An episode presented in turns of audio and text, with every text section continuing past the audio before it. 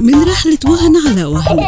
لأول ضحكة لأول مرة تسمعي كلمة ماما.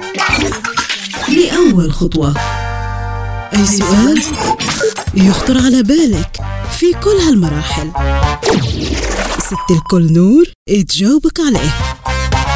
اسأل نور على ناس إف إم وناس بودكاست. المراهقين عندهم حب التخطيط لحياتهم المستقبلية لكن تخطيطهم على حسب وعيهم إن هذه الخطة قد تكون هي الأنجح وإن التخصص هو الأقوى اللي يخططوا له في حياتهم. لكن بسبب الظروف أو بسبب إن امتحانات صعبة وما جابش معدل أو بسبب مرض أو بسبب أي ظرف عائلي يكون قد إنه هو يشعر بأن التخطيط اللي كان يقوم به قد فشل وأحيانا المراهق هذا يدخل في حالة من الاكتئاب وما يعرفش كيف يتصرف. نور اليوم حتجاوبنا على تعلم المراهقين على الخطط البديلة. كيف يمكن لأي مراهق يقدر يوصل لهدفه ويكون مطمئن إن الشغل والتعب اللي قام به مش حيمشي هلا في عدة طرق. في حابة لكم بالموبايل صار في applications آه، للخطط اليومية والأسبوعية والشهرية. فبضل كمان بصير يطلع له جرس ال reminder إنه هلأ في خطة معينة. أو عن طريق الورق ممكن يعمل آه، يخطط اليوم والساعات وتكون الورقة قدامه كلوحة. ف وكمان ممكن آه، أيضا عن طريق الموبايل عادي إذا مش البرنامج بالنوت يكتب الأشياء اللي بده إياها ويطلع عليها يوميا. بس لازم تنكتب يعني إذا الخطة ما انكتبت قدامه فما رح يلتزم فيها طيب السؤال الثاني هل من الضروري تكون في خطط بديلة لأي مراهق في فترة تكوينه لمستواه التعليمي أو مستواه الجامعي أو عمله؟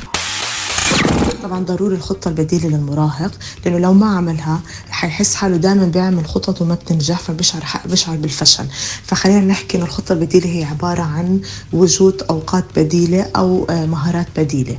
يعني مثلا إنه هو مخطط بكرة يدرس من الساعة 3 للستة أو من الساعة 5 للسبعة فهو لما يجي تاني يوم الساعة مثلا 3 حس حاله تعبان ونام حينام هو مرتاح بقول لك خلص أنا في بالمقابل خطة بديلة على الساعة 5 حبدأ.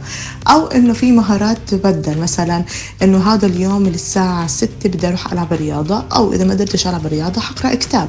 فلما يكون عنده خطة بديلة حيشعر بالراحة وبالإنجاز. أما إذا كان حاطط الخطة من غير أي خطط بديلة حيحس حاله ما عم بينجز وما عم بيوصل لأهدافه فحيشعر بالاكتئاب وحيشعر إنه هو كل مرة بحط خطط ما بينجح فيها.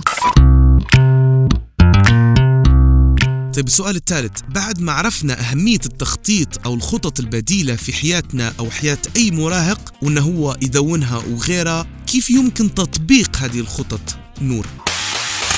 لازم نعمل خطة والخطة البديلة وبفضل أكتر البرنامج. وإذا مش البرنامج مو غلط تكون ورق مقوي يخطط بالأيام والتواريخ والساعات.